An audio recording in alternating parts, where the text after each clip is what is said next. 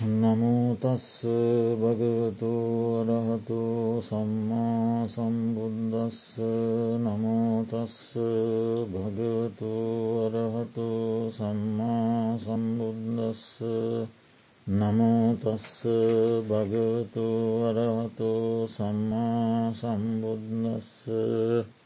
කතමාච භික්හවේ සම්මාධිත් යංකෝ භික්හවේ දුක්කේ ඥානං දුක්ක සමුදයේ ඥානං දුක්ක නිරෝධේ ඥානං දුක්ක නිරෝධගාමිනියා පටිපදාය ඥානං අයං උච්චති භික්හවේ සම්මාධිට්ටීති දැන් අපි මහා සතිපට්ටාන සූත්‍රයේ ධම්මානු පස්සනවට අයත් සච්ච පබ්බයේ දුක්ක නිරෝධ ගාමිණී පටිපදා ආර්ය සත්‍යයේ ආර්ය අෂ්ඨාංගික මාර්ගය සියල්ල එකක් ලෙසගෙන පසුගිය වාර දෙකක් පමණ සාකච්ඡා කළා.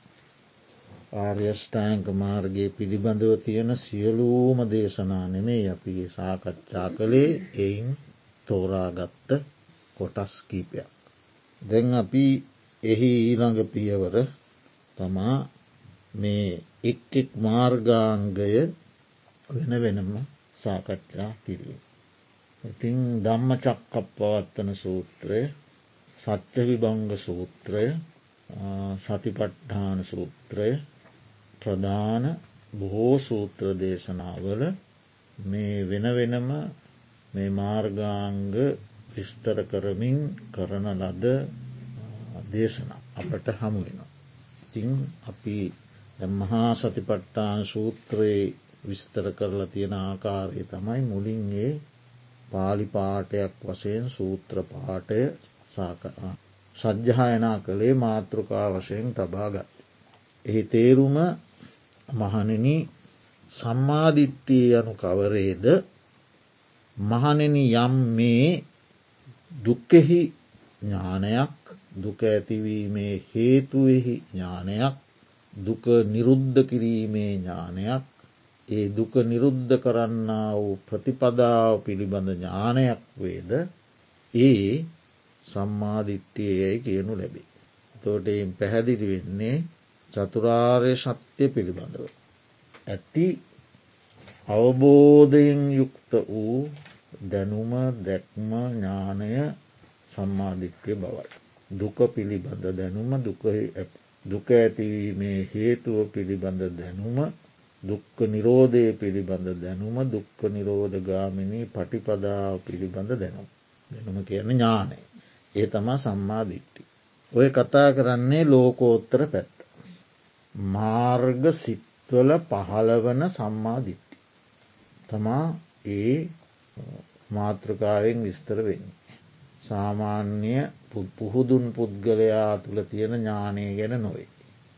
මාර්ග පලලාබී උතුමන්ගේ සම්මාධිට්ටි. එතෝට මේ සම්මාධිට්ටියෙන් කුමක්ද කෙරෙන්නේ මිත්‍යා දෘෂ්ටිය මුල්ලුමනින්ම නසලදාන. ඒ සම්මාධිට්ටියෙන් ලැබෙන ප්‍රතිඵලය. සිතේ සම්මාධිට්ඨිය හෙවත් චතුරාර්ය ශත්‍යය පිළිබඳ ඥානය පාලවීමත් සමඟ මුළු මනින්ම මිසදුටු නසන. ඒ වගේම ඒ සිත නිවන අරමුණු කරන. ඒ වගේම ඒ සිත යහපත් දැකීම ලක්ෂණ කොට ඇති සිතක් බවට පත්. දැකීම ප්‍රශස්තයි. දැකීම සෝබනයි දැකීම සුන්දරයි. දැකීම ප්‍රබුද්ධයි. යහපත්. නිවැරදිව. නිවැරදිව. එහෙමන මේ පංචුපාදානස්කන්දය පිළිබඳ දුක පිළිබඳ දුක ඇතිීමේ හේතුව පිළිබඳ. ඒ සියල්ල පිළිබඳව සාමාන්‍ය ලෝකයාගේ දැකීම ඉක්මවාගේ. ඉතාමත් නිවැරද්දිම දැක්ම සෝබන සුන්දර දැක්මක් සහිත සිතා සාමාන්‍ය ලෝකයා දක්නා විදිහ නොවේ. නිවනමයි නිවන නිවන අරමුණු කරනවා මිත්‍යා දෘෂ්ටිය නසනවා දර්ශනය යහපත්. දර්ශනය පැහැපත් සුන්දර දර්ශනය. ඒ සම්මාධිට්ටිගත වීමේ ලැබෙන පල තමයි. එතකොට මේ සම්මාධිට්ඨිය මේ සම්මාධිට්ටියෙන් යුක්ත පුද්ගලයෝ ඒ අයට කෙන සම්මාධිට්ටිකයෝ කියලා. සම්මාධිට්ටිකයෝ ගැන සම්මාධිට්ටියෙන් යුක්තාය. ඒ සම්මාධිට්ටිකයෝ ප්‍රධාන වශයෙන් අපිට පුළුවන් අටුවාවන් අනුව අටුවා චාරීන් වහන්සේලා අනුව කොටස් තුනකට බෙදන්න. ඒ තමා පෘතක්ජන සම්මාධිට්ටිය සේක සම්මාධිට්ටිය අසේක සම්මාධිට්ටිය. පෘතක්ජන සම්මාධිට්ටිය සේක සම්මාධිට්ටිය අසේක සම්මාධිට්ටිය. ඒක කියනකොට තේරෙන වන්නේ. අපි තාම පෘතක්ජන සම්මාධිට්ටිකයෝ. එතකොට සෝවාන් මාර්ගය පලය සකදාගාමී මාර්ගයේ පලය අනාගාමී මාර්ගයේ පලය සහ අරිහත් මාර්ගය කියන හත් දෙනා සේක සම්මාධී. රහතන් වහන්සේ අසේක සම්මාධී. එතකොට මේ පෘතක්ජන සම්මාධිට්ටිකයා නැවත බෙදනවා කොටස් දෙකකට. දැ අපි තුනකට බෙදුවන පෘතජ්ජන සේක අසේක කියල. එයින් පෘතක්ජන සම්මාධිට්ටිකයා ආය කොටස් දෙකට බෙදන්න පුළු. පෘතක්ජන. ඒ තමයි බාහිරක සම්මාධිට්ටිකයා සහ ශාසනික සම්මාධිට. නෑ නෑ බාහිරක ශාසනික. බුද්ධ ශාසනයට අයත් එක්කනයි බුද්ධ ශාසනයෙන් පිටත් එක්කන. බාහිරක බාහිරක ගැන බහයි බැහැර බාහිර බාහිර සම්මාධී. ශාසනික ගැන ශාසනයට ඇතුළත් එක්ක. බාහිරක සම්මාධිට්ටිකයා ශාසනික සම්මාධ. ශාසනික ගැන අපි ඔක්කොම නිසා අපි ඔක්කොම බුද්ධ ශාසනය පිළිගන්න. බුදුන් සරණ ගිය දහම් සරණ ගිය සගුන් සරණ ගිය මේ ශාසනයට ඇතුළත් අන්න අගම් ඒ වගේත් ඉන්න සම්මාධිත්තු. ඒ අයට කියෙන බාහිරක සමිට. ඇයි සමහර ශාසනවල ඉන්න කර්මය කර්ම පලය පිළිගන්නයි.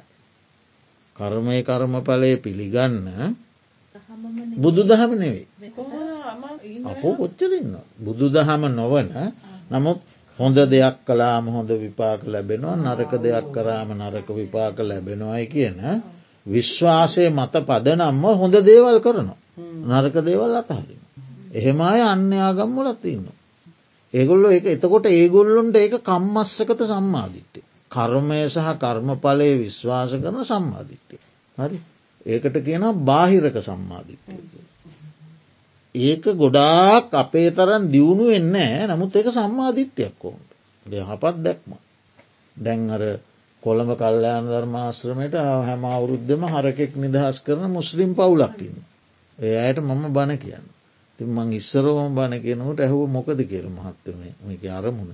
අනේ ආම්දුරනේ අපි වගේම මේ සත්තු ජීවත්තෙන්ට කැමතින කැඩි කැඩි ගොල්ලො ඉතින් සිංහල භාෂාවෙන් කියන.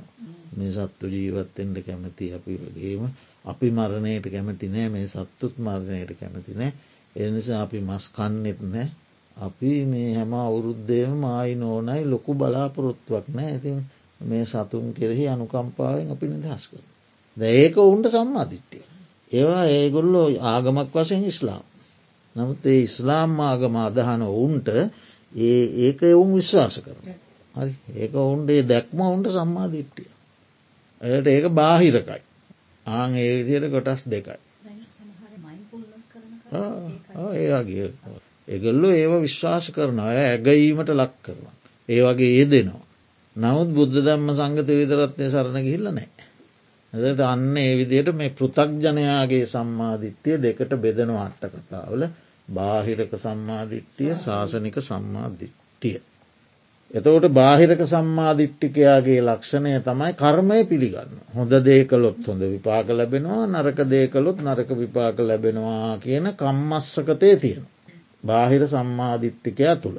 ශාසනික පෘතක්ජනයා තුළ දැ අපි අපි නිවන් අවබෝධ කරල නෑ ශාසනික පුතක්ජනයා තුළ ඒ කර්මය විශ්වාස කිරීමත් තියෙනවා.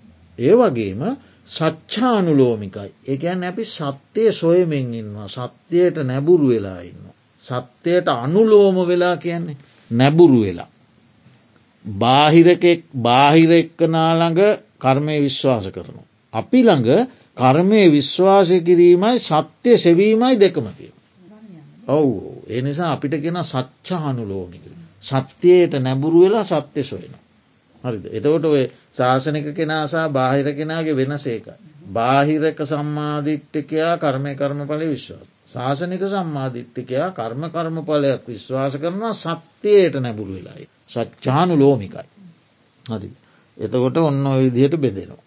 කොටස් තුනයි ඒ කොටස් තුනේ නැවත බෙදෙනවා පෘතක් ජනයක දෙකකට දෙකකට බෙදෙනවා.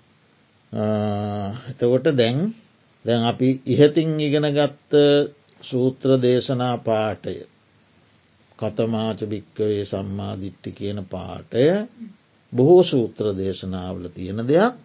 එහි පළමුවෙන්න්නමොකදද දුක්ක පිළිබඳ අවබෝධාත්මක ඥානය. ඒකන. දුක්කේ ඥාන. දුක්කේ ඥාන. එතකොට ඒ තමයි දුක්ක සත්‍යය පිළිබඳ සම්මාධිට්ටි එතකොට දැන් මේ සූත්‍ර පාටය අනුව සම්මාධිට්ටි හතරකට බෙදෙනවන. දුක්ක පිළිබඳ ඥානේ සමුදය පිළිබඳ ඥානෙ නිරෝධය පිළිබඳ ඥානෙ පටිපදාව පිළිබඳ ඥාන. එතවට සම්මාධිට්්‍යය එතන හතරකට බෙදෙන. එතවට එයින් පලවෙනි එක දුක්ක සත්‍යය පිළිබඳ සම්මාධිට්ටි. ඔවු ලෝකෝත්තර සිත්වල තමයි ඒක ඕ මේ මේ මේ සූත්‍රය ඔය තියෙන්නේ ලෝකෝත්තර සිත්වල ක්‍රමේ. ලෝකෝත්තර සිත්වල ක්‍රමේ. එතවට මේ දුක්ක සත්‍යය පිළිබඳව සම්මාධිට්ටියෙන් කෙරෙන්නේ මොකක්ද මුල්ලු මනින්ම මේ විසිආකාර වූ සම්මා සක්කාය දිට්ටිය තියෙනවන. විසිආකාර වූ සක්කාය දිට්ටිය නැසෙනවා. ඇය දුක දකිනෝ. නිවැරදිවම මනානුවනින් මේක හුදු දුකක් කියලා අවබෝධ කරගන්නකොට මේක කෙරෙහි තියෙන මම කියන දෘෂ්ටියයාගේ බිඳිලයන. සක්කාය දිට්ටිය නැසෙන. දුක්ක සත්‍යය පිළිබඳ සම්මා දිට්ටිය. ඒකයන් මොකක්ද මේ පංචුපාදානස්කන්දය නිත්‍යයි සුකයි සුබයි ආත්මයි සාරයි ආදී වසයෙන් ගනු ලබන දෘෂ්ටිගතවීම තියෙනවන. දැම් මේ තියෙන්නේ අපි ළඟ. මේක නිත්‍යයි සුකයි සාරයි සුබයි ආත්මයි කියල ගන්න ස්වභාවේ ඒ ස්වභාව මුළු මනින්ම බිඳිලයන දුක්ක සත්‍යය දකිනවත් එක්කම දුක්ක සත්‍යය දකින සම්මා දිට්ටිය ඇති වෙනකොටම මේ පිළිබඳ තියෙන මුල්ලු මනින් ආත්ම දෘෂ්ටිය නිත්‍ය දෘෂ්ටිය සුක්ක සාර සියල්ලම බිදිර. බිදිර ගිල්ල සක්කාය දිට්ටිය නෑ ට සෝවාන් වෙනකොට ඒක තමයි වෙන්න.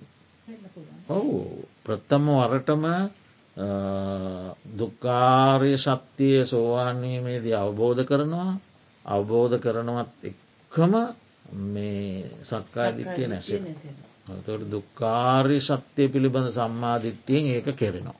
අට්ට කතාවේ තමයි අට්ට කතාව පමණන්න මේ සූත්‍රත් එකක දෙහික සාකච්ඡා වෙනවා.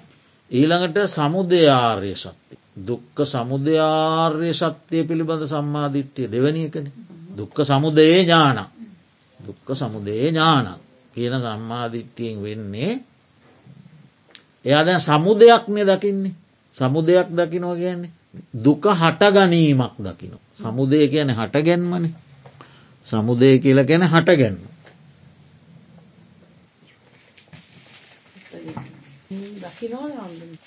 ඔද සමුදය දකිනවා කියලා කියන හට ගැනීම දැකීමක්න. දුක හට ගැනීමක් තියෙනවා. දුක කියන එක හට ගැනීමක් තියෙන දෙයක්. හරිද සයිකැන දුක හට ගැනීම හේතුවන සමුදය කියන් දුක හට ගැනීම හේතුව. එතෝට හේතුවකින් තමයි මේ දුක හටගන්නේ කියලනයා දකින්නේ. ඒ දකිනකොට එයා තුළ අර මෙතනින් සියල්ල ඉවරයි කියන එකන්න අපි මිනිස්සු උපදිනවා මැරෙනවා අය හට ගැනීමක් නෑ කියන එකට ගැන උච්චේදවාදය කියලන්න මේක මෙතනින් සිින්දිලයන පටවිධාතුව පටවිධාතුවට එකතු වෙනවා අපෝධාතුව අපෝධාතුවට එකතු වෙනවා තේජෝධාතුව තේජෝධාතුවට එකතු වෙනවා වායෝධාතුව ආයෝධාතුවට එකතු වෙනවා. අය නැවත හට ගැනීමක් ඇත්තේ නෑ පුළුවන්තරන් කාලබීල සතුටින් හිට පල්ලා කියන වාදයක් තියෙනවා. ඒකට කියනවන උච්චේද දෘෂ්ටිය කියලා. මෙතනින් සියල් ඉවරයි. කියන දෘෂ්ටිය. එතකොට මේ හට ගැනීමක් තියෙනවා කියලා දකින කොට අර උච්චේද දෘෂ්ටිය නැතිවෙලා යන. උච්චේද දෘෂ්ටිය කියලා කියන්න මෙතනින් එහාට නෑ කියන එකන නෑ සියල්ල මෙතනින් ඉවරයි. හට ගැනීමක් නෑ කියන දෘෂ්ටිය උච්චේද. සිින්දිලා යනවා. උච්චේද වෙනවා ගැන සිින්දිලා යනවා. කියන දෘෂ්ටියක් තියෙනවනි ලෝකයා තුළ. එතකොට යම් කිසි කෙනෙක් මේ සමුදය දකිනවන. එකන හේතුවකින් යමක් හටගන්නවා කියලා දකිනකොට මේ දුක හේතුවකින් හටගන්නවා කියලා දකිනකොට අර කියපු උච්චේද දෘෂ්ටිය විනාශයනවා. ඔවු එතනින් දකිනවා උච්චේද දෘෂ්ටිය. නැසෙනවා බිඳෙනවා එක ඇන සියල්ල මෙතනින් ඉවරයි කියන ඒ දෘෂ්ටිය කැඩෙන. ඒ දෘෂ්ටියට පවතින්න බෑ ඒ දෘෂ්ටිය කිසි සේත්මා ඇතිවෙන්න. සමුදය දැකීමත් සමගම උච්චේදය නැසෙන. උච්චේද දෘෂ්ටිය නැසෙන. ඒව ඉතින් බොහෝම මේ ගැඹුරු කරුණු. යම් කිසි කෙනෙක් තුළ යම් ආකාරයක උච්චේද දෘෂ්ටියක් තියෙනවන. ඒ උච්චේද දෘෂ්ටිය මුල්ලු මනින්ම සිදිල යනවා සමුදය දැක්මේ. ඒ වගේම සියල්ලම සිද්ධ වෙන්නේ පෙර කළ කර්මයෙන් කියනවාදයක් තියෙනවන. ඒවාදයක් කැඩෙනවා. ඔව් සමුදේ දකිනකොට ඒකත් කැඩෙනවා. එකට ගැන පුබ්බේ කත හේතුවාදේ. තොට උච්චේදවාදය කැබෙනවා පුබ්බේ කත හේතුවාදය කැඩෙනවා. ඊළඟට ඊශ්වර නිර්මාණවාදය කැඩෙනවා. මේ දුක ඇති කරන දෙවියෙක්කින්නවා. බ්‍රහ්මයෙක්කින්නවා. මාරයෙක්කින්නවා. ඊශ්වරයෙක්කින්නවා. කියල විශ්වාසයල් ලෝකයේ තියෙනවා. ඒකත් කැඩෙන. ඇයි එයා දකි නො මේක ඊශ්වරයෙක් නෙමේ හදන්නේ මේ හේතු පලවාදී හට ගන්න. හරි මේක ඊශ්වරයෙක් නෙමේ හදන්නේ මේක හේතුවන්ගේ සංයෝගෙන් හටගන්න. හරි එතකොට මේක හට නොගැනී තියෙන්නේ නෑ මේක හට ගැනීමක් තියෙනවා ඒක නිසා උච්චේදය කියන එක බොරුවක්. ඒ වගේම මේක සියල්ලම වෙන්න පෙර කළ කර්මෝනින් නෙමේ මේකට තවතව හේතු සාධක තියෙන. කියලා හේතු දකින. දකිනකොට ඒ පුබ්බේ කතයක් කැඩෙන. ඒ ඒ වගේ ගොඩාක් වාද දෘෂ්ටි. දෘෂ්ටිවාද ගොඩාක් බිඳිලෑන සමුදය දකිනකොට. හට ගැනීමක් තියෙනවා හට ගැනීම සිද්ධ වන්නේ හේතුවකි. හේතු පලවාදීව කියල දකින. දකිනකොට අර අහේතු අපච්චේ හේතු ප්‍රත්තියක් නෑ කියලවාදයක් තියෙනවා එකට ගෙන අහේතු අපච්චේවාදී. ඔහේ සිද්ධ වෙන. හේතුවක් නෑ ප්‍රත්තියක් නෑ කියලවාදයක් ඒකත් කැඩෙන. ඒ වගේ බොහෝ දේවල් ලෝකයේ තියෙන බොහෝ වාද මනස අවිද්‍යාවට නිමග්න කරලා තියෙන අවිද්‍යාවේ ගිල්ලලා තිබෙන බොහෝ වාද තියෙනවාන තර්ක විතර්ක දෘෂ්ටිවාද ඒවත් කැඩිල බිඳිල සුණු වෙලා යනවා සමුදේ දකිනට විශ්වාස ඒකෙන් නොදන්නාකම නෑ කියල නෙමේ කර්මය තියෙනවා සියල්ල එකින් වෙනවාගේ ඒ ඔක්කොම බිඳෙනවා සමුදය දකිනකොට ඒව බිඳෙනවා එක තමයි නිර්වාණ අවබෝධය තියෙන චතුරාර්ය සත්‍යය අවබෝධය තියෙන සුවිශේෂී බව. බොහෝ දෘෂ්ටිවාද කැඩලෑම්. ඊළඟට නියතිවාදය කැඩෙනවා. නියතිවාදය කියලා කියන්නේ. ඒ කාන්තෙන්ම මේක නියතයක් වසෙන්ම වෙන්ඩෝන කියන. ඒකත් එක්තරාවාදයක්. දෘෂ්ටියෝ. තොට හේතු හේතුවකින් පලය හටගන්නවා කියලා දැකීමත් එක්කේ නියතිවාදයක් කැඩිලා යනවා. එතකොට ද දෙකක් ඉගෙන ගත්ත. මොකක්ද දුක්ක ආර්ය ශක්තිය පිළිබඳ සම්මාධිට්්‍යය එයින් මේ මේ දේවල් කැඩෙනවා. දුක්ක සමුදයාර්ය ශක්තිය පිළිබඳ සම්මාධිට්ටියෙන් මේ මේ මේ මේ දෘෂ්ටි කැරෙනවා. ඊළඟට දුක්ක නිරෝධාර්ය සත්‍යය පිළිබඳ සම්මාධී. හටගැන්මක් මෙන්ම නිරුද්ධවීමක් තිය. එතනම දුක හටගන්නවා දුක නිරුද්ධ වෙනවා. එතකොට මේ තෘෂ්නා නිරෝධයමයි දුක්ක නිරෝධ. තෘෂ්නා නිරෝධය කියන එක ප්‍රධාන වශයෙන් ගන්නේ නමුත් තෘෂ්ණාව සමඟ තව තියෙන අවශේෂ හේතු. නමුත් ඒ අවශේෂ හේතු තිබියදී තෘෂ්ණාව නිරුද්ධ කළොත් අවශේෂයවට පවතින් රත්බෑ. හරි.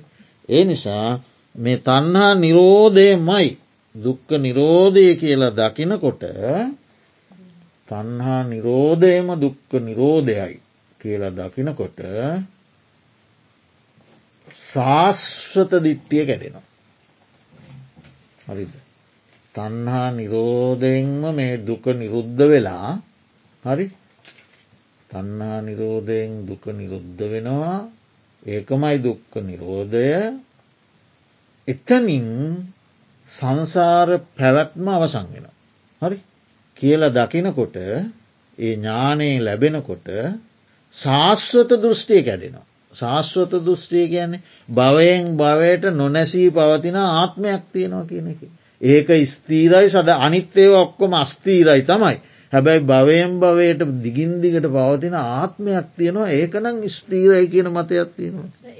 නෑ නෑ නෑ සක්කාය දිට්ටිය ශාස්ත්‍රත දිට්ටිය කියන්නේ භවයෙන් භවයට භවයෙන් භවයට නොනැසී පවතින ආත්මයක් තියෙන. ඒ දෘෂ්ටිය ඕවා එක එකට සමීපයි ගොඩක් ළඟයි එතකොට යම්කිසි කෙනෙක් දුක්කාරය සත්‍යය දැක්කන එයා අනිත්තුනත් දකිනවා. ඒ දැකීම මේ ආරක දැකලා මේ ටික කඩලා ඉතිරියක දැකලා එහෙම එකක් නෙමේ මේ කියන්න. ඒ ඒවා එකක් දකිනකොට අනිත්තේ ඔක්කොම දකිනවා. නමුත් ඒ වගෙන් අර විස්තර කරනකොට මෙයින් මේක කැඩෙනවා මෙයින් මේක කැරෙනවා මෙයින් මේ කැඩන ශාස්වත දිට්ටිය. භවයෙන් බයට නොනැසී පවතින ආත්මයක් ඇතේ කියන දෘෂ්ටිය කැඩිලෑන. ශාස්වත. ඊළඟට දුක්ක නිරෝධ ගාමිණී පටිපදාර්ය සත්‍යය පිළිබඳ සම්මාධී. ගැන මාර්ග සත්‍යය පිළිබඳ සම්මාටි. දුක්ක නිරෝධ ගාමිනියා පටිපදාය ඥාන. ඒ එහි ඒ පිළිබඳ දැක් නම්මා දිට්ටි. ඒකින් මොකක්ද කැඩෙන්නේ අකිරියවාදය කැඩෙන. අකිරියවාදය කියන්නේ ක්‍රියාවක් නෑ ක්‍රියාවට පලයක් නෑ. යන්නෙක් නෑ එන්නෙක් නෑ කරන්නෙක් නෑ කරවන්නෙක් නෑ කර්මයක් නෑ විපාකයක් නෑ අකිරියවාදය. කරන්නෙක් නෑ කරවන්නෙක් නෑ ඕක්කෝ නිකන් සිද්ධ වෙන. ඒක වාදයක් එකට ගෙන අකිරියවාද. කිරිය කියන්නේ කිරීමනි ක්‍රියාව. අකිරිය කියන්නේ ක්‍රියාවෙන් පලයක් නෑ. ඒ අකිරිය වාදය කැඩෙනවා. එකට අකිරිය දිට්ටි කියලක් කියනවා. ඒහෙම ශාස්තෘුවරු හිටිය බුදු හාමුදුරෙන් කාල. කරන්නෙක් කරවන්නෙක් නෑ විඳින්නෙක් විඳවන්නෙක් නෑ. හරි පව් කලාට පව් කලාට ඒ පවේ විපාකයකුත් නෑ. පින් කලාට ඒ පිනේ විපාකයකුත් නෑ. අභිජාති අසූහාර දහසක් ජීවත් වෙලා හැමෝම මොක්ෂේ ලබනවා. ඒ නිසා පව් කලාට වැඩකුත් නෑ පින් කරාට වැඩකුත් නෑ ඒක දෘෂ්ටිය. එකට යන අකිරිය දෘෂ්ටිය. හරි ඒක කැඩෙනවා. මොකත් දකිනකොටද මාර්ගය දකිනකොට. ඇයි දැම් මෙයා දකිනවා දුක නිරුද්ධ කරන්න මේ මාර්ගයෙන්. එතකොට මාර්ගය කියන ක්‍රියාවක්. හරි එ ක්‍රියාවකින් නන්දුක නිරුද්ධ වෙන්නේ අකිරිය කියන එක බොරුවක්. ඒ අකිරිය දෘෂ්ටි කැඩෙන. ඒවගේම කාමසුකල්ලිකානුයෝග අත්ත කිලමතායෝග කියන අන්ත දෙකත් කැඩෙන. අව් ශරීරයට අධික සැපදීමත් ශරීරයට දුක්දී. කාමසුකල්ලිකානුයෝගයත් නිවන් ලබන මග නෙවෙයි අත්ත කිලමතානුයෝගයත් නිවන් ලගනවා ලබන මඟ නෙවෙයි. කියලය දකින මැදමා. ඒ ගැන්නේ ආර්යෂ්ටාකම. තට ආර්යෂ්ඨායක මාර්ගයේ දකිනකොට අරාන්ත දෙක කැඩිලයන. ඒකන බුදුහාන්දුර ධම්ම චක්කප පවත්වන සූත්‍රය දේශනා කළ දවේ මේ භික්කවේ අන්තා පබ්බජිතයන න සේවිත අබ්බා. ඒ අන්තත් දෙකම කැඩිලයනවා. දැම් තේරෙනවාද සම්මාධිට්්‍යය කොච්චර වැ සම්මාධ සම්මාධිට්‍යයෙන් කොච්චර ජාති කෙරෙනවා. අන්න සම්මාධිට්ටියෙන් තමයි ඔක්කොම ජාති උගුලලා දාන්න. ඔය සේරම තියෙන දෘෂ්ටි මති මතාන්තර වාද විවාද කොම උගුල්ලලා අත ගුල්ලලා දාලා හරි ඒකට තම ප්‍රශස්ත දිට්ටිය කියල කියන්න ඔන්න. දැන් දැන් යහපත් දැක්. දැන් දිට්ටිය බෝම ප්‍රසස. දැන් දිට්ටිය බෝම සුන්දරයි. දැන් මේ දිට්ටිය තියෙන්නේ චතුරාර්ය ශක්තියත් එක්ක අනුගලා. එයා දකින්නේ චතුරාර්ය සත්‍යය තුළින්. සත්‍යය තුළින් තමයි යමක් දකි. එතෙක් දැක්ම අපි විවිධ විවිධ දර්ශන දැම්මත් ඒ දැක්මෝල් පිරිසිදු වෙන්ඩත් පුළුවන් අපිරිසිදු වෙන්ඩත් වෙනවා. දැන් ඔන්න ඕක තමයි ක්‍රමේ. ඔය දෘෂ්ටියෝල ඔය ඔය මාර්ගහංගයන්ගින් චතුස්සත්‍ය අවබෝධයෙන් ඔන්න ඔයට ඔය ටික කියෙනවා. එතවට මෙන්න මේ කියනලද සම්මා දිට්ටිය සංග්‍රහ වෙන්නේ මාර්ගයේ වඩනකොට අපි මාර්ගයේ වඩමින් යන අවස්ථාවේදී දැන් සම්මාධිට්ටියෙන් ගතයුතු එකන්නේ සම්මාධිට්ටියේ පූර්ණත්වයට පත් වෙලා නෑතාවම දැම් මේ සම්මාධිට්ටිය අපි වඩමින් යනවා. ඒ වඩමින් යන සම්මාධිට්ටිය සංග්‍රහ වෙන තැන් තමයි වීමන්සා ඉද්ධිපාද කියලා පිගෙන ගත්ති සත්තිස් බෝධිපාක්ෂික ධර්මෝට. ඒක සම්මාධිට්ටිය තමයි. ප්‍රඥාවන. ඊළඟට පං්ඥින්ද්‍රිය කියලා ඉගෙන ගත්තේ සත්තිස් බෝධිපාක්ෂිකන පඤ්ඥා ඉන්ද්‍රිය. පඤ්ඥා බල කියලා ඉගෙන ගත්තේ ඒත් සම්මාධිත්ත.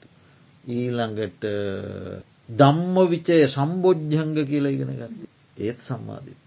ඊළඟට ආර්යෂ්ඨාංක මාර්ග සම්මාධිත්‍ය ද අවස්ථා කිය එකේ දෙනවද පහකේ දෙනවා. තැනද වීමංසා ඉද්ධිපාදය පං්ඉන්ද්‍රිය පඥ්ඥා බල ධම්ම විචය සම්බෝජ්ජංග සම්මා එකම සම්මා දිට්ටිය සත්තිස් බෝධිපාක්ෂික ධර්මයන් හිදී. හරි එකම සම්මාධිට්්‍යය සත්තිස් බෝධිපාක්ෂික ධර්මයන් තුළ ඔය විදිහට සංග්‍රහ වෙමින්. ඒ ඒ ඒ ඒ තැනට අයත් කාර්ය කරන. එක්තැනකදී සම්මාධිට්ටිය වීවන්සා ඉද්ධිපාදය ලෙස ක්‍රියාත්මක. එක්තැනකදී සම්මාධිට්්‍යය ඉන්ද්‍රියක් ලෙස ක්‍රියාව. එක්තැනකදී සම්මාධිට්්‍යය බලයක් ලෙස ක්‍රියාව. එක්තැනකදී සම්මාධිට්්‍යය බොජ්ජංගයක් ලෙස ක්‍රියාත්ම. හරිත. ඒ විදිහට සංග්‍රහවෙන. එකම සම්මාධිට්්‍ය. සම්මාධිට්්‍යය පූර්වාංගම වෙලා සිසු මාර්ගාංගත් උපදවමින් නිවන තම.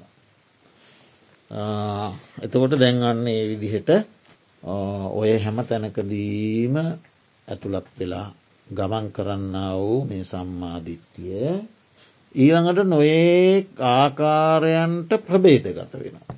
වර්ග කරනවා. නොෙක් විදිේ වර්ගී කරණයක් තියෙන.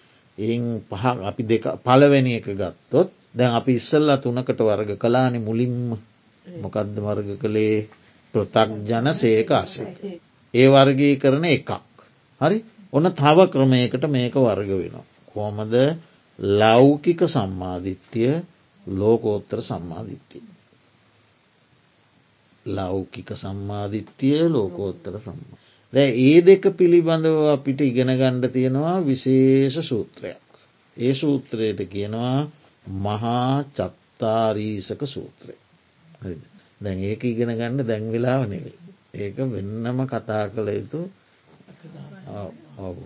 නිශාන්ත මහත්තය ප්‍රශ්නයක්. ඒකත් බොහොම ගැඹුරින් යන සූත්‍රය.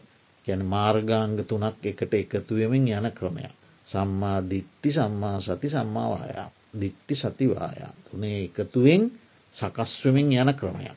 එතකොට ඒක අපි පසුවට තියෙනවා ඒක තමයි මේ ලෞකික ලෝකෝත්තර කියන බේදය විශේෂයෙන් කතා කරන්න තියෙන තැන. ඊළඟට මේ සම්මාධිට්ටිය නැවත බෙදෙනවා පහකට. කම්මස්සකත සම්මාධිට්ටිය එක එතකොට අර දැන් මුලින් තුනකට බෙදවා ඊළඟට දෙකට බෙදවා දැන්ආයි පහකට බෙදෙනවා. හරි මොකක්ද එක කම්මස්සකත සම්මාධිට්ටිය. දෙක ජාන සම්මාධිට්ටි ජාන කියන්නේ ධ්‍යාන කියන එක. කයන්න බැඳි දායන්න ජාන ධාන සම්මාධිට්ටිය. ඊලාට විපස්සනා සම්මාධිට්ටිය. ඊළඟට මග්ග සම්මාධිට්ටිය. ඊළඟට පල සම්මාධිට්ටි. කම්මස්සකත ජාන විපස්සනා මග්ග පල පහ. දැන් කම්මස්සකත සම්මාධිට්්‍යය කියන්නමකක්ද. කම්මස්සකත අපි ඉස්සල්ලත් කතා කරේ බාහිර ශාසනිකයන් තුළත් තියෙනවා මොකක්ද. කර්මය සහ කර්ම පලය විශ්වාස කිරීම. ඇදහීම පිළිගැනීම. ක්‍රියාවක් තියෙනවා ඒ ක්‍රියාවට පලයක් තියෙන. කියන ඒ දැක්ම ඒ ඇදහීම ඒ පිළිගැනීම ඒ විශ්වාසය කම්මස්සකත සම්මා දිට්ටිය. දැන් මේ කම්මස්සකත සම්මාධිට්්‍යය ලෞකිකයි. ලෞකික එකක්. එතවට මෙයින් මොකක්ද ලැබෙන පලය. කම්මස්සකත සම්මාධිට්්‍යයෙන් මොකක්ද ලැබෙන පලේ. ලෞකිකයි. තවම නිර්වාණය නෑ මෙතන. එදිනදා ජීවිතයේ පෘතක් ජනයන් තුළ තියෙන දෙයක්. ඔව සද්ධාව තියෙනවා හරි. සද්ධාව තියෙන නිසා තමයි ඒක එයා විශ්වාස කර පිළිගන්න. ති මංහන්න ඒකින් ලැබෙන්න මොකක්ද. ඒකින් මොකක්ද එයාට ලැබෙන වාසිය සහනය ප්‍රතිඵලය. ඔය ඔක්කෝම හරි ඒවත් හරි. නමුත් ඒ සියල්ලම ඔය කියනේවා ඔක්කෝම එකතු කරලා ගණ්ඩ දෙයක් තිය. සීලයත් ඒකට ඇතුළ ඔක්කෝම එකතු කරන්න එකතු කරන එක තමයි කම්මස්සකත සම්මාධිට්ටියේ සිත ස්තීරෝ පිහිටවා ගත්තම. එයා දැන් කර්මය විශ්වාස කරනවා. එතවට මොකක්ද විශ්වාස කරන අකුසල කර්මයක් කළුත් අකුසල විපාක. කුසල කර්මයක් කළොත් කුසල විපාක තිය. ඒ විපාක විඳිය යුත්ත කවුද තම. එතෝට දැන් එයා මොකක්ද කරන්නේ පුළුවන්තරන් අකුසලයෙන් බැහැරවෙන්න බල. කුසලෙහි ඊය දෙන්න බල. ඒක තමයි ලැබෙන යාට ලැබෙන ප්‍රතිඵලය. එයාගේ ඒ විශ්වාසයා එතෙන්ට ගෙනියනවා. උබා කුසල් කළොත් ඒක විපාක උඹට. නොබ කුසල් කළොත් ඒක විපාකත් නුබට. හරි එතවට නුබා කුසල් කළොත් ඒ විපාක දුක් සහගතයි. නුබ කුසල් කළොත් ඒ විපාක සුක සහගතය කියන දැක්ම හොට දෙනවා. මේ කම්මස්සකත සම්මා දිට්ටි. දීමෙන් ලැබෙන පලෙමොකක්ද. එයා දුගතියෙන් වලක් වනවා. එයා සුගතියට පමුණුව. ඔන්න කම්මස්සකත සම්මාධිත්‍යයෙන් ලැබෙන පලේ. ඒ ගැන්නේ සම්පත්ති බවය ගෙන දෙනවා. යහපත් බව ප්‍රතිලාභයක් ඇතිකර. කාම භවයෙහි කාම භවයෙහි කාම භවය තියෙනවනේ දුක්සහගත පැත්තක් ලෞකික ලෞකිකෝ. කාම භවයේ තියෙනවනේ දුක්සාගත පැත්තක් සහ සුකසාගත පැත්ත. නිරේ තිරිසම් පේත අසුර දුක්සාගතයි. දිවියලෝක සහසා මනුස්සලෝකයේ සුකසාගතයි. ඒ දිවියලෝකහයේ ඒ මනුෂ්‍ය ලෝකයෙත් දුක්සහගත මනුස්සුපතකුත් තියෙන. හරිද. ඒ විදිහේ මේ බවයේ තියෙන දුක්සහගත පැත්ත වලක් කොලා. බවහි තියෙන යම් සම්පත්තියක් විපත් සහගත තත්ත්වයන් වලක් කොලා සම්පත් සහගත තත්ත්වයකට පත් කරනවා. එතවට කන්න කම්මස්සකත සම්මාධිත්‍යය දාම නිවනට රිජ්ජුව යොමු කරලා නැති වුණත් ඒ ලෞකික මට්ටමේ සම්මා දිට්ටිය පවා පුද්ගලයට යහපතක් ගෙන දෙනවා. ඒ අටුවාවේ සිංහල අර්ථය දෙන්න සම්පත් භවය එලවනවා ලබා දෙනවා. සම්පත් භවය ලබා දෙනවා. ගැන භව සම්පත් ලබා දෙනවා. භවයට අවශ්‍ය කරන තව සම්පත්තියනවා රූප සම්පත් ධන සම්පත් බෝග සම්පත් දරු සම්පත් භාරයා නොයෙක් සම්පත් ඒ ඒ භව සම්පත් ලබා දෙනවා. එතවට යාගේ අකුසලේ වලකින අකුසලයෙන් හැකිතාක් එයා වලකින. කුසලේ හැකිතාක් කියදෙනවා ඒ නිසා කම්මස්සකත සම්මාධිට්්‍යය අවශ්‍යය. ඊළඟට දෙක ධ්‍යාන සම්මාධිට්ටි. ධ්‍යාන සම්මාධිට්්‍යයෝම අර කම්මස්සකත එකෙන්ම තව ඉස්සරහට යන. කම්මස්සකත සම්මාධිට්ටියෙන්ම යනවා තව ඉදිරියට. දැන් එයා තුළ තියෙනවන මේ පිළිගැනීම් කර්මය කර්ම පලි. ඒ පිළිගැනීම මත පිහිටලා එයාර දානශීලවලින් ඔබ්බට ගිහිල්ලා සමත භාවනා පැත්තට යොමු වෙන. හරි. සමත භාවනා පැත්තට යොමු වෙලා එයා ප්‍රථමධ්‍යාන දුති අධ්‍යාන තෘති අධ්‍යාන චතුරත අධ්‍යාන ආකාසානංචායතන විඤ්ඥානංචායතන ආකින්චඥායතන නේව සංඥානා සංඥායතන කියන ධ්‍යාන මට්ටන් වොල්ටය. සමාධිතම ධ්‍යාන ධ්‍යාන ධ්‍යාන. එතවට ධ්‍යාන අටම ලබාගත්තුත් අෂ්ට විමෝක්ෂ කියලා කියන. ඊළඟට ඉතින් හැමෝම එක අටම ලබන්න නැතත් ප්‍රථම අධ්‍යාන ලැබුවත් දෘති අධ්‍යානය ලැබුවත් තෘති අධ්‍යානය ලැබුව අෂ්ට විමෝක්ෂණ මේ අෂ්ට සමාපත්තිය විමෝක්ෂණමේ ඒ අටට කියන අෂ්ට සමාපත්ති. එතවට ප්‍රථම අධ්‍යාන ලැබුවත් දෘති අධ්‍යාන ලැබව ඒ ඔක්කම දිහාන්. ඒ දිහානෝලින් ලැබෙන පලේ මොකක්ද. රූප හෝ අරූප භවයක ප්‍රතිසන්දී ලබාදේ. අන්න එතවට ධ්‍යාන සම්මාධිට්ටියෙන් ඒ පුද්ගලයා ධ්‍යාන තත්ත්වයට පත් කරලා එයින් ඔහු රූප භවයක හෝ අරූප භවයක උපත කරාගෙනියනවා. අන්න ඒ සම්මාධිත්‍යයෙන් ලැබෙන පල ඒකයි. රූප අරූප භව. ඊළඟට අපි විපස්සනා කියන එක දැන් කතා නොකර යනවා හත් හතරවෙනි එකට විපස්සනා කියන එක අන්තිමට කතා කරන එක හේතුවත්තිය. ඊළඟට මග්ග සම්මාධිට්ටි. මග්ග සම්මාධිට්ටියෙන් කරන්නේ අපේ තියෙනවනි දැන් ක්ලේස කර්ම විපාක කියල තුන. කෙලෙස් කෙලෙස් නිසා කර්ම කරනවා කර්ම නිසා විපාකරැස්. ආපහු මෙම ස්ටක්‍රයක්නයක කෙලෙස් කර්ම විපාක. කෙලෙස් නිසා කර්ම කරනවා විපාක වශයෙන් භවයක්. ආයෙත් ඒ භවයේදී කෙලෙස් ඇති වෙනවා ආයෙත් කර්ම කරනවා ආය විපාකයක් හැදෙනවා. මෙම මේ චක්‍රයක් තියෙනවන. අන්නේ එකට ගැන සංසාර වට්ටයි කිය. සංසාර වට්ට දුක. කම්ම වට්ට ක්ලේෂ වට්ට විපාක වට්ට කියලන එකට කියන්න. ක්ලේෂ වට්ට කම්මවට්ට විපාක වට්ට ක්ලේෂ වට්ට කම්මවට්ට විපාක වට. එතවට මේ මාර්ග සම්මාධිට්ටිය දැන් අපි කතා කරන්න මාර්ග සම්මාධිට්ටියෙන් මග්ග සම්මාධිට්ටි කියන මාර්ග ඔය කියන්න මොකක්ද සෝවාන් මාර්ගය සකදාගා මාර්ගය අනාගාම මාර්ගය අරිහත්ම ඔය හතරනව කියන්. එතෝට මේ මග්ග සම්මාධිට්ටියෙන් කරන්නේ අර සංසාර චක්‍රයේ එකන කම්ම ක්ලේෂ විපාක. එකටන සංසාර චක්‍රය කියන්නේ. ඒ චක්‍රය විනාශ කරලදාන්න. හරි සෝවාන් මාර්ග සම්මාධිට්ටියෙන් සංසාර චක්‍රය විනාශ කරනවා යම් මට්ටමකට. එතකොට එයාට ඒ සංසාර චක්‍රයයි බව හතයි තියෙන. අඩු කරලා. සෝවාන් මාර්ගින් ඔන්න අඩු කරා හතකට. ඉමක් කොනක් පේෙන් නැති චක්‍රය හතකට අඩු කළා. තියෙනවා තියෙන. අම්පූර්ණය නමුත් එයා ඉතින් ලොකු ජයග්‍රහණයක් දැන් ලබල නියතයි. ඔව ඉතින් එතන ලෞකිකයි නමුත් මාර්ගඵල ලාබීධ්‍යානලාබියෙක් නම් ඒ තැන්වල ඉපදිලා එහෙදී යාගේ සෙසු මඟ පල් ලබල ඒ අවසං කරන්න පුළුවන්. එතකොට සකදාගාමී මාර්ග සම්මාධිට්්‍යයටාවම කාම භවයට එන්නේ එක් වතාවයි. එයා අනාගාමී මාර්ග පලයට පත් වනාම කාම භවයට නැවත එන්නේම නෑ සුද්ධවාසයෙන් එතනින් පිරිනවා. අරහත් මාර්ගයෙන් සියල්ල අවස. එතකොට ඔන්න මග්ග සම්මාධිත්‍යයෙන් කරන්නේ අර සංසාර චක්‍රය විනාශ කර.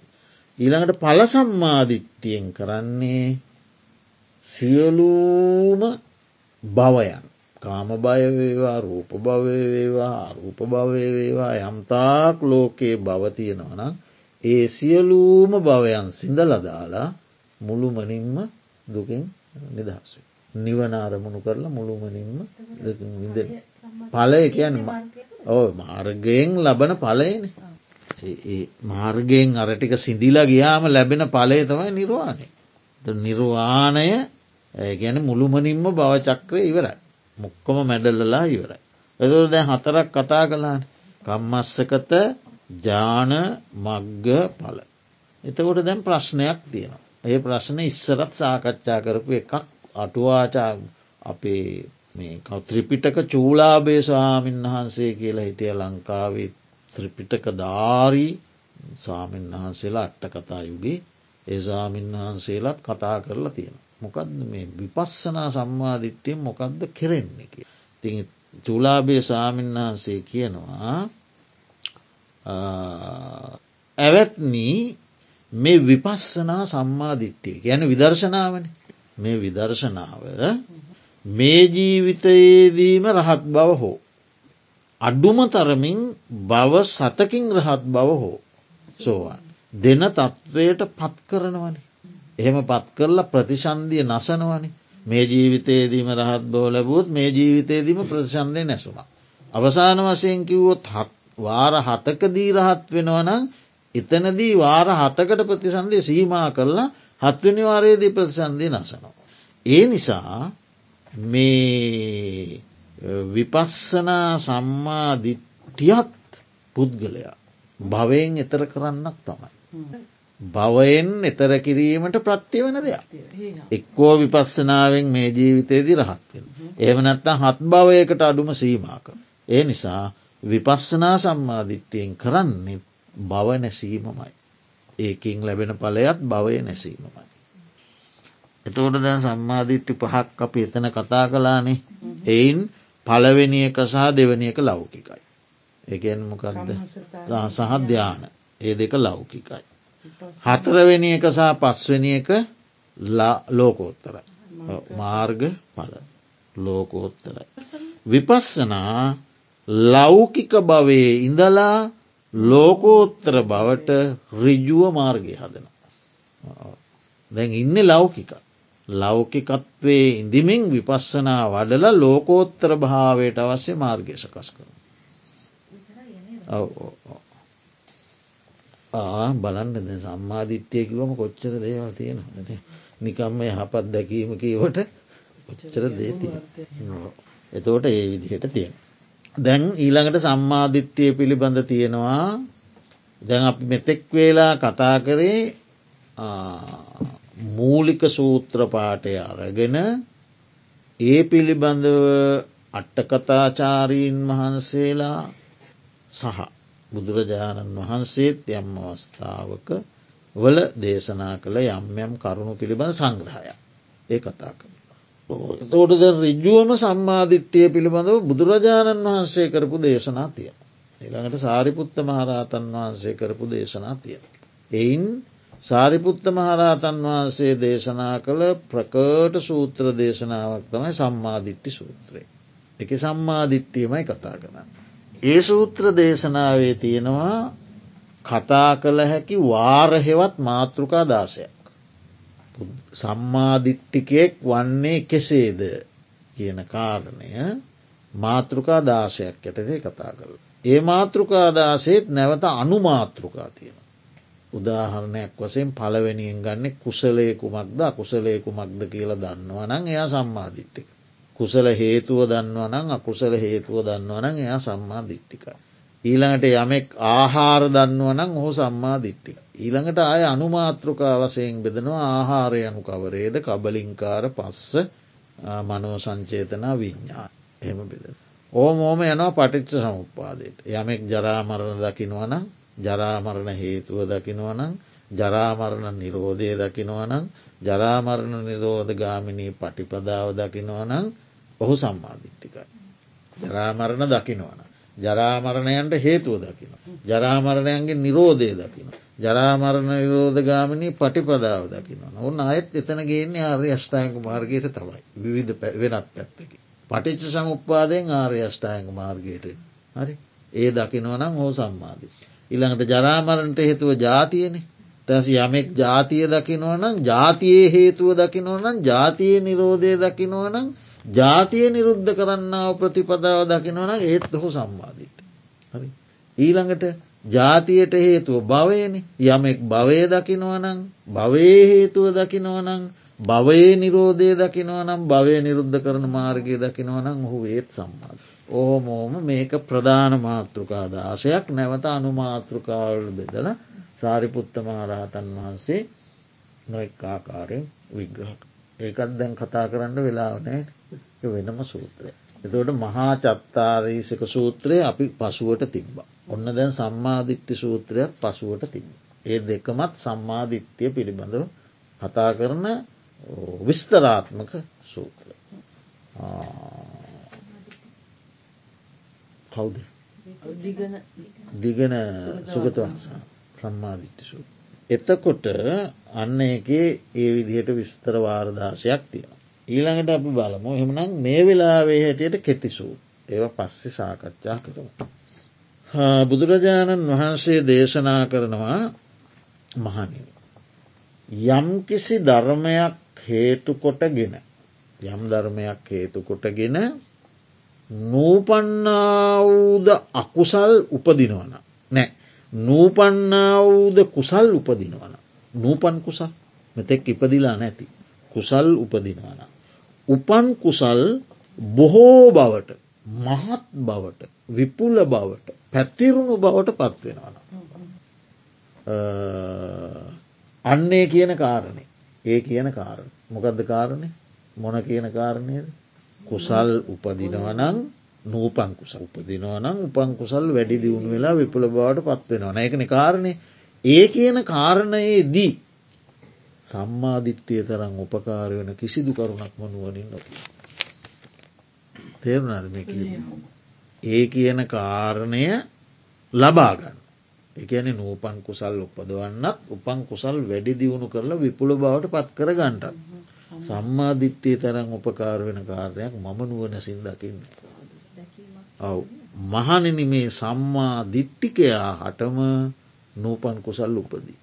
උපන් කුසල් වැඩි දියුණු බවට විපුල බවට පත්. ඔව බුදුරජාණන් වහන්සේ නුවනින් දකින. ඊළඟ දේශනාව මහනෙන නූපන් අකුසල් නූපදවීමට උපන් අකුසල් ප්‍රහාණයවීමට දැංෝකන කාරණය නූපන්න කුසල් නූපදවන උපං කුසල් ප්‍රහණය. එකී කාරණය සඳහා උපකාරවන ධර්ම අතර සම්මාධිට්්‍යය තරන් ධර්මයක් මම නුව නැසින් නොද. අන්න දැන් අපිට පැහැදිලි ඔය හතර එකතු කරල ගත්තොත් ඔය සූත්‍ර දෙක දැන් සම්මාධිත්‍යයෙන් ලැබෙන පල හතරක්මින් මොකක්ද පලහතර නූපන් කුසල් උපදිනවා උපන් කුසල් වැඩිදිවුණේ නො විපුල බවට පත්වෙන. නූපන්න කුසල් නූපදිනවා උපං අකුසල් ප්‍රහණය. ඔන්න සම්මාධිට්‍යයෙන් ලැබෙන පලේ. දැක අනිත් පැත්ත ගත්ත ප්‍රතිවිරුද්ධර්ථය ගත්ත. ප්‍රතිවිරුද්ධර්ථය මොකද. ඒකත් ඔය වෙලා හිතන්න පුළුවන්. මහනෙන නූපන් කුසල් නූපදීමටත් උපන් කුසල් ප්‍රහාණයවීමටත් නූපන් අකුසල් ඉපදීමටත් උපන් අකුසල් වැඩිදියුණුවීමටත් හේතුවෙන ධර්ම අතර මිත්‍යා දෘෂ්ටිය බඳු එකම ධර්මයක්වත් මම නොදැකම කියන එකතම විරුද්ධර. සම්මාධිට්්‍යය මේටික කරන අතරේ මිත්‍යා දිිෂ්ටියෙන් කරන්න මොකක්ද නූපන්න කුසල් උපදනෝ උපන්න කුසල් වැඩිදිුණු කර. නූපන් කුසල් නූපදවනවා උපන් කුසල් තියෙනවනන් බින්දුවක් කරි එක නැති කරලදා. එම විරුද්ධාර්ථයක් සලකා බලන්න පුළුවන්. ඔන්න ඔය සූත්‍ර දෙකයි. එතවට ඒ සූත්‍ර දෙකෙන් මෙෙන හරය මතක තියාගණ්ඩ ඕනේ. ඊළඟට මහනෙන මේ සම්මාධිට්ටිය ඉපදීම පිණිස. සහ සම්මාධිට්ටිය වැඩිදියුණුවීම පිණිස. යෝනිසෝ මනසිකාරය තරම් වටිනා එකද දහමක්වත් මම නුවනසින්න. සම්මාධිට්්‍යය උපදින්නට නම් ඉපදුන සම්මාධිත්‍යය වැඩෙන්නට නම් උපකාරවන ධර්ම අතර යෝනිසෝ මනසිකාරය ප්‍රධාන. නුවනින් සිහිකිරී. නුවනින් දැකී නුවනින් සිහිකිරී. මනානුවනින් දැකීම. මනානුවනින් මනසිකාරය පැවැත්වී. ඒකින් නූපන් සම්මාධිත්‍යයත් උපදී. උපන් සම්මාධිත්‍යයත් වැඩෙනවා. උපන් සම්මාධිත්‍යය වැඩෙන. තොට නුවනින් මෙනෙහි කරනකොට මොකක්දවෙන්න. තියෙන සම්මාධිත්‍යයත් නූපන් සම්මාධිට්්‍යිය උපදින්න උපදින සම්මාධිට්්‍යයක් තිබ්බන එකත් නැති වෙලා. නුවනින් තොර නුනුවනින් අයෝනිසු නුනුවනින් නුවනින් තොර. මෙනෙහෙ කරත් කරත්ම වෙන්නේ උපදින්ට තියෙන සම්මාධිට්්‍යය උපදින්න ඉපදිලා තියෙන සම්මාධිට්ටි නැතිලා. යෝනිශෝ මනසිකාරය බොහොම වැදගත්. ඊළඟට මේ ඔක්කොම මේ අංගුත්තර නිකායෙන් පමණයි මනව ගත්තේ. එතවට බුදුරජාණන් වහන්සේ දේශනා කරනවා සම්මාධිට්ටික පුද්ගලයාගේ. යම්කිසි පුද්ගලයෙක් සම්මාධිට්ටික නම්. ඒ සම්මාධිට්ටික පුද්ගලයාගේ ඒ දෘෂ්ටියක්නයක සම්මාධිට්ටිනි ඒ දෘෂ්ටිය මිත්‍යයා දෘෂ්ටින මේ සම්මාධ එක එක දෘෂ්ටියක්. දැක්මක්න. ඒ සම්මාධිට්ටි පුද්ගලයාගේ ඒ දෘෂ්ටියට ඒ දැක්මට ගැලපෙන යෝග්‍ය වූ ඒ දෘෂ්ටියට යෝග්‍ය වූ ගැලපෙන්න්නාව. සුදුසු වූ පිරුණා වූ දෘෂ්ටියට අදහස් පිරෙනවනයකට ගැලපෙන විදිහට සිතට. එතෝට පිරුණා වූ එයා සමාදන් වූ.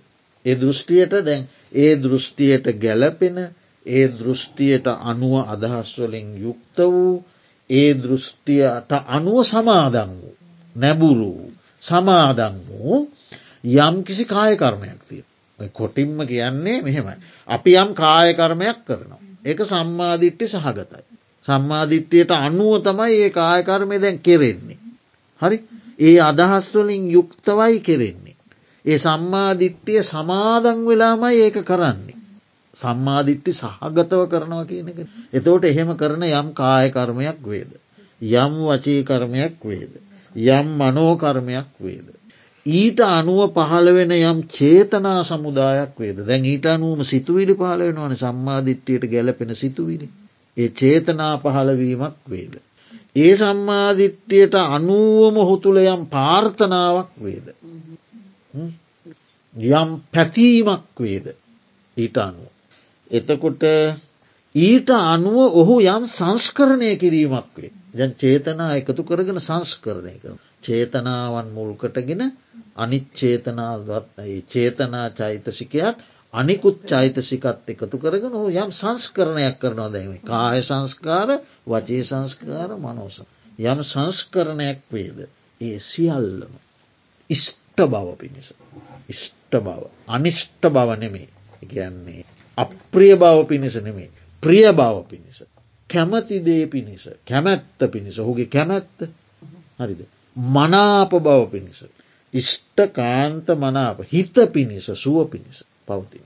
පැහැදිද මගේ සම්මාධිත්‍යයට අනුව යම්කිසි නැබුරුවක් ඇතිව ඔහු යම් ඊට ගැලපෙන ඊට අනුව යම් කායකර්මයක් වචීකර්මයක් හෝ මනෝකර්මයක් සමාදන් වෙලා. ඒක අනුව චේතනා පහල කරගෙන. ඔහුට චේතනා දැන් පහළ වෙනවා ඊට අනුව. ඊට අනුව සංස්කරණය කරනවා කායවාක් මනෝ සංස්කරණය කරමින්.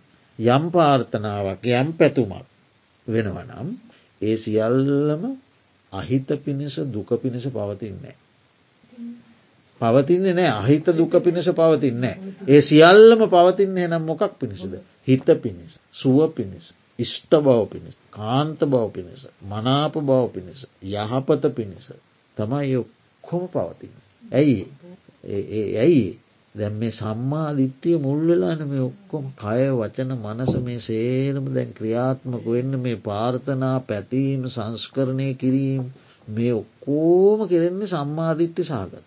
එතෝට මෙයින් ලැබෙන පලේ දැම් මේ මේ සංස්කරණය කරන දේවල් කවමදාකුවත් අනිෂ්ට බව දුක විපත අයාපත පිණිස පවතින්නේ. ඒ ඔක්කොම ඉෂ්ටකාන්ත මනාප හිත්ත සුව පිණිසම පවතින.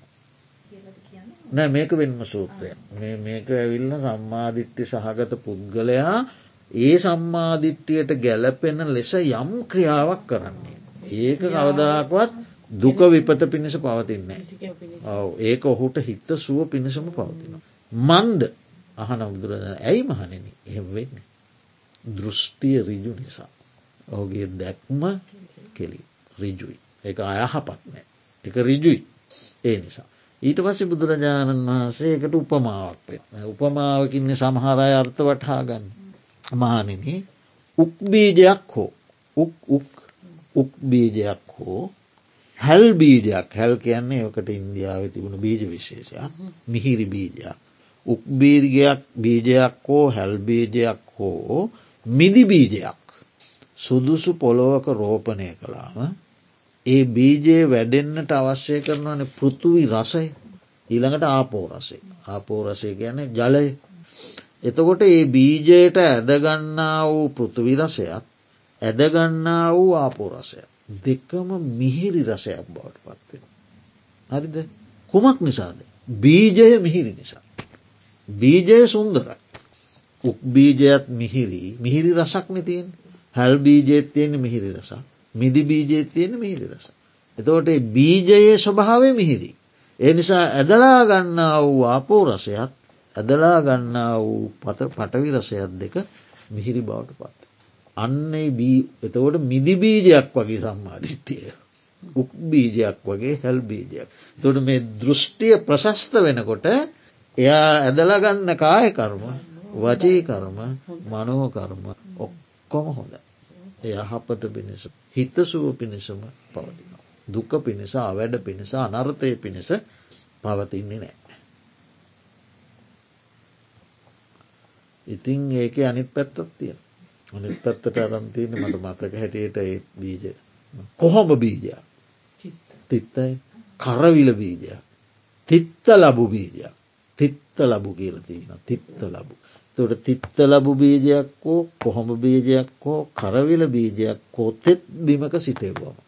ඒකට ඇදල ගන්න ආපෝ රසය පටවි රසය අමිහිරි අමිහිරි රසයක් බවට පත්වෙන. ඇයි? බීජය සුන්දරන බීජය අමිහිරි. මේ සූත්‍රයම අනිත් පැත්ත විරුද්ධාර්ථ. බුදුහාන්දුර මේ සූත්‍ර දේශනාවල හැමතැනම අනිත් පැත්තත් ගත්ත මෙත්‍යයා දෘෂ්ට. එතකොට බීජය සුන්දර නැති නිසා ඇදරගන්න ජලයයි පටවිරසයයි දෙකම තිත්ත බවට පත්. ඒවගේ මිත්‍යා දෘෂ්ටික පුරුෂ පුද්ගලයා ඒ මිත්‍යා දෘෂ්ටියට ගැලපෙන ලෙස්. ඒ පදනම් කරගෙන. යම්කාය කර්මයක් වම්වචීව කර්මයක් යම්මනෝකර්මයක් කරන්නේද යම් පාර්ථනාවක් කරන්නේද යම් සංස්කාරයක් රැස් කරන්නේ. සංස්කරණයක් කරන්නේද.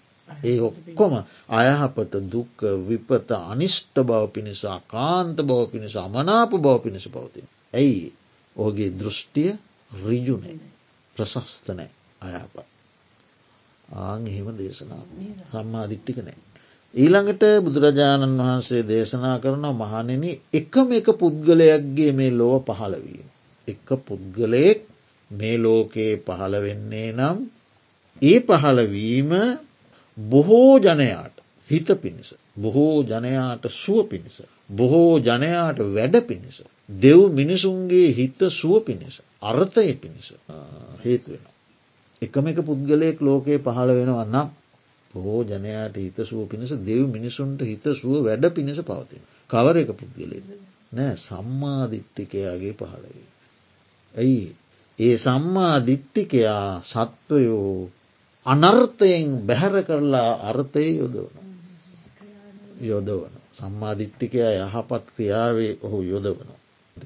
අවිපරීත දස්සනෝ කියලා එතන වචනයක් තියෙනවා සම්මාධිට්ටිකෝ හෝති අවිපරීත දස්සන. සම්මාධිට්ටික විපරීත නොවූ දැක්මක් ඇත්තා. දැක්ම විපරිතනෑ නිසි මනා දැක්මක් සහිත පුද්ගලය පැහැදිලි දැක්මක් ඇති පුද්ගල. එතෝට කල්්‍යයන මිත්‍රය තම. එතෝට අන්නේ සම්මාධිට්ටික පුරුෂ පුද්ගලයා යහපත් දර්ශනයක් ඇතියේ පුද්ගලයා බොහෝ සත්වයෝ. අයහපතෙන් ගොඩ නගා යහපතෙහි යොදවන. අයාපතෙන් ඔසවලා අරගෙන යහපතෙහි යොදවන. අසද්ධර්මය නසා සද්ධර්මය පිහිටුවන. ඒ නිසා ඒ එක පුද්ගලයාගේ වටිනාකම මිත්‍යාදිිෂ්ටිකව ලක්ෂයගේ වට පහළවීමට වඩා වට එක පුද්ගලයාගේ පහළ කියල බුදුරජාණන් වහන්සේ දේශනා කළා. තකුට තව ගොඩක් සූත්‍ර තියෙන දැන් වෙලාව හයයි විසි නමයයි. ඒක නිසා මේ එක සූත්‍රයක් කෙටියෙන් කියලා අදට අවසං කරමු පැයකුත් විනාඩි කොළහක් ගිල්ල තියෙනවා. මේක බොහොම අපිට සුන්දර අත්දැකීමක් එක්ක යන සූත්‍රයක්. මකට කියනවා මේ දෝවන සූ. දෝවන දොවනෝ පිරිසිදු කරනවා කියන එක. දෝවනය කරනවා කියලා අපි කිය. අත් දෝවනය කරනවා පාදෝවනය කරනවා. කියලා දෝවනය කිරීම. ඒක මේ ඒ කාල මේ දක්ෂින ජනපදේ සැවැත් නුවරට දකුණු දිශාව මං කියන්නේ අද තමිල්නාඩු පැත්තට වෙන්නන දක්ෂින ඉන්දියාවේ දක්ෂිණ ප්‍රදේශය තමයි අද තමිල් නාඩු ප්‍රදේ. එතවට දක්ෂිණ ප්‍රදේශයේ නැකත් කෙලියක් තියෙන. නැකත් උත්සව. ඒ නැකත්ස උත්සවල තියෙනවා බොහෝ ආහාර අන්න පාන ආදී. නොයෙකුත් ආහාරපානයක විස්තර තියෙනවා සූත්‍රයේ. ඒ බොහෝ ආහාරපානයන් කියලා අපි ඔක්කොම එකතු කරලා ගමකු. ඒ වගේ සංග්‍රහ කරනවා. එනකත් උත්සවය. ඒ වගේම නොත්‍ය ගීත නාට්‍ය ගීත ආදී විවිධාකාරයේ මිනිසුන්ට සතුට ගෙන දෙන ඒ උත්සවවලින් ඒ නැකත් කෙලිය අලංකාර වෙලාතිය. තකට කිසි හිගයක් නෑ. දැන් ඉතින් අපි වර්තමානයත් එක්කත් ගණ්ඩෝ නෑ තොට ඒ කාලෙත් තිබ්බ දැනුත් එහෙම. එතවට ඒවට මිනිස්සු බොහොම ලැබීන එතන ඇලෙන්න දෙයක් තියෙනවා බැඳෙන්න දෙයක් තියෙනවා කන්න බොන්න තියෙනවා නැටුම් තියෙනවා ගැයුම් තියෙනවා වැැයුම් ඔක්කෝගෙම එක පිරිලා ඔව එතවට එහෙම තියෙනවා මානතිතින් එහෙම දෙයක් තියෙන ඕම නෑ කියලා කියන්න එහෙම දෙයක් තියෙනවා. හැබැයි මහනන ඒවා හීනයි. උසස් නෑ. ග්‍රාම්යයි. ගැමි ගතියක් තියෙන. ග්‍රාම්ය ඒ කියන උසස් ජනය මිනිසුන්ට යෝග්‍ය නෑගෙන ගැමි ස්වභාවයක්. ග්‍රාම්යයි. ගොඩ කියන්නේති අවබෝධය මදි කියන ස්වභාවයත් ගැමි ගතියක්නය ගාම්යයි. ඊළඟට පුහුදුන්ට අයත් පෘතක්ජනයන්ට තම එක අයිති. අනාර්යයි ඒ ආර්යන්ට අයිති නෑ අනාර්යයි. එතකොට නිර්වේදය පිණිස හේතුවෙන්නේ. නිර්වේද ගැන කලකිරීම ඒ පිණිස හේතුවෙන්නේ. විරාගේ පිණිස හේතුවෙන්නෙත් නෑ. නොඇල්ම පිණිස හේතුවෙන්නේ. සසරදුකින් නිදහස්වීම හෙවත් නිරෝධය පිණිස හේතුවෙන්නෙත් නෑ. ක්ලේෂයන් උගුල්ලාදමීම පිණිස හේතුවෙන්නේ නෑ ක්ලේෂයන් වැඩීම පිණිස තම හේතුවෙන්. ඒ වගේම විශිෂ්ට ඥානාවබෝධය පිණිස හේතුවෙන්නේ නෑවට කියට අභිඤ්ඥා ලැබෙනවය කියලා කොහෙවත් තියෙනවදන. අභිඤ්ඥා පිණිස හේතුවෙන්නෙත් නෑ. සම්බෝධය පිණිස හේතුවෙන්නෙත් නෑ. සම්බෝධය කියන්න එතන චතුරාර් ශක්්‍ය අවබෝධ. ඒ පිණිස හේතුවෙන්නෙත් නෑ. නිර්වාණය පිණිස වැටෙන්නෙත් නෑ. ගැන නිර්වාණයට උපකාර වෙන්නෙත් නෑ. හැබැයි මහන්නනේ හෙම දෙයක් තියෙනවා. එහෙම කාලා බීලා නටලා නොෙක් ආකාරය ආහාරපානයන්ගෙන් සන්තර්ප වෙන නැකත් කෙලියක් ඔය දක්ෂිණ පලාතේ තියෙනවා මම නෑ කියන්නේ. මම කියනව මහන්නේ නුබලාට ඊට වඩා වටිනා දෝවනයක් වටිනා දෙවීමක් දෝවන ක්‍රමයක් මම කිය. ඒ මොකක්ද සම්මාධිත්‍යයෙන් මිත්‍යා දෘෂ්ටිය දෝවනය කරපු. සම්මාධිත්‍යය ඇති කරගෙන ඒ තුළින් මිත්‍යා දෘෂ්ටිය දෝවනය කර. හෝදලා දමව. ඒ හෝදලා දැමීම හීන නෑ. ඒක ග්‍රාම්යක් නෑ. ඒක පෘතක්ජන පුද්ගලයන්ගේ දෙයකුත් එක ආර්යයි. එතකොට ඒක නං නිර්වේදය පිණිස හේතුවෙන.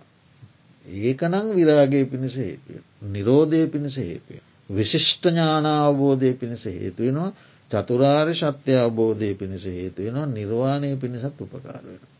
ඒ නිසා සම්මාධිට්ටියෙන් මිත්‍යා දෘෂ්ටිය දෝවනය කරල පිරිසුදු කරදාන්න.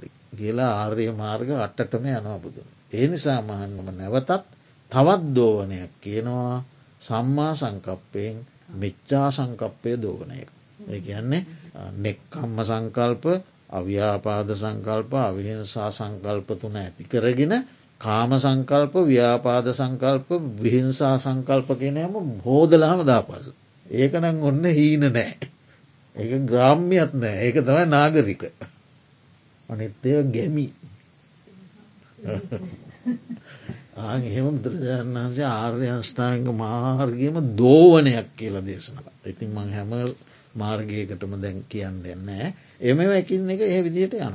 අටටම යනවා. එතෝට මේ ආර්ය අෂ්ඨායක මාර්ගයම කියල කියන මුළු මනින්ම දෝවන ක්‍රමයක්. අපි දෝවනය කරන්න මොකටද යමක් පිරිසිදු කරන්නටන. අපි දානවලදන්ට පෙර අද්දෝවනය කරනවා. මොකද ඒ අත් පිරිසිදු කරලා අපි විෂබීජ නසල ආහාර ගන්න. අපි දිනපතා ශරීරය දෝවනය කරන. අපි ශ්‍රමණ බ්‍රාහ්මනාදීන් තමන්ගේ නිවසට වඩිනකොට පාදෝවනය කරනවා.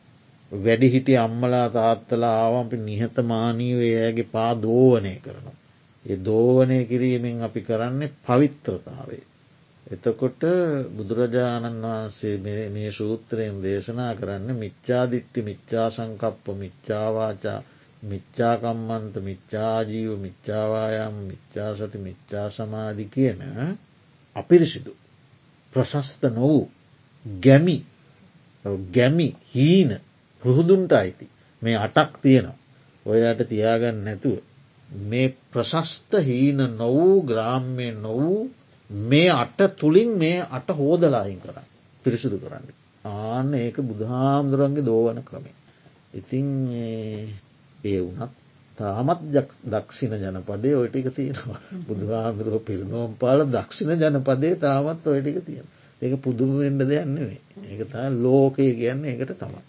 ඒ නිසා අපි සම්මාධික්තිය ගැනම තවත් ඊළඟ දවසෙත් කතා කරලා සම්මා දිට්ටිය ගැන ගොඩාක් අපිට කතා කරාම ඉතිරි ඒවට අපිට ඒ සූත්‍ර අනුසාරයෙන් අපිට අනිත්තේවා තේරුම් ගන්න දැම් මේ දෝවන සූත්‍රය අපි මූලික කොටස ඉගෙන ගත්තම අය සම්මා සංකප්පයට අපිට දෝවන සූත්‍රය ඉගෙන ගණ්ඩ ඕන්නෑ.